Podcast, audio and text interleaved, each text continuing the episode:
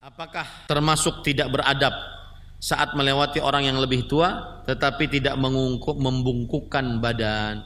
Maka jawabannya uh, ini kembali kepada uruf.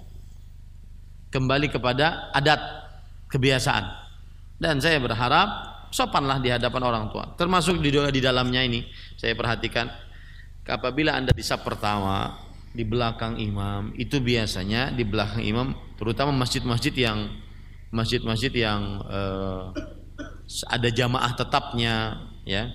Di belakang imam biasanya para pemuka-pemuka masyarakat.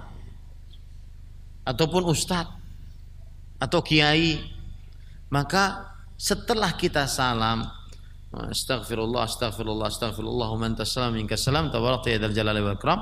Karena kan sempit, kita ingin merubah dari duduk yang asalnya seperti tawarruk, kemudian kita ingin merubah bersila maka lebih baik kalau mau ke dep kalau mau bersila ke belakang lah. Daripada ke depan. Ke belakang lah. Daripada apa? Ke depan. Ini untuk memuliakan orang-orang yang lebih tua baik umurnya ataupun ilmunya. Ini lebih baik daripada ke depan.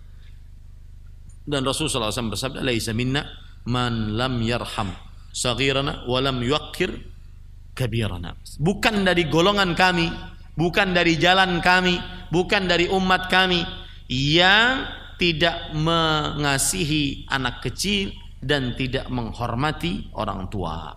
Maka kalau seandainya adabnya, adatnya di kita di Banjarmasin kalau ingin e, lewat kemudian kita menundukkan sedikit tanpa seperti orang ruku ataupun seperti orang sujud yang berlebih-lebihan mendudukannya maka tidak mengapa Asalkan tidak berlebih-lebihan. Allahu a'lam.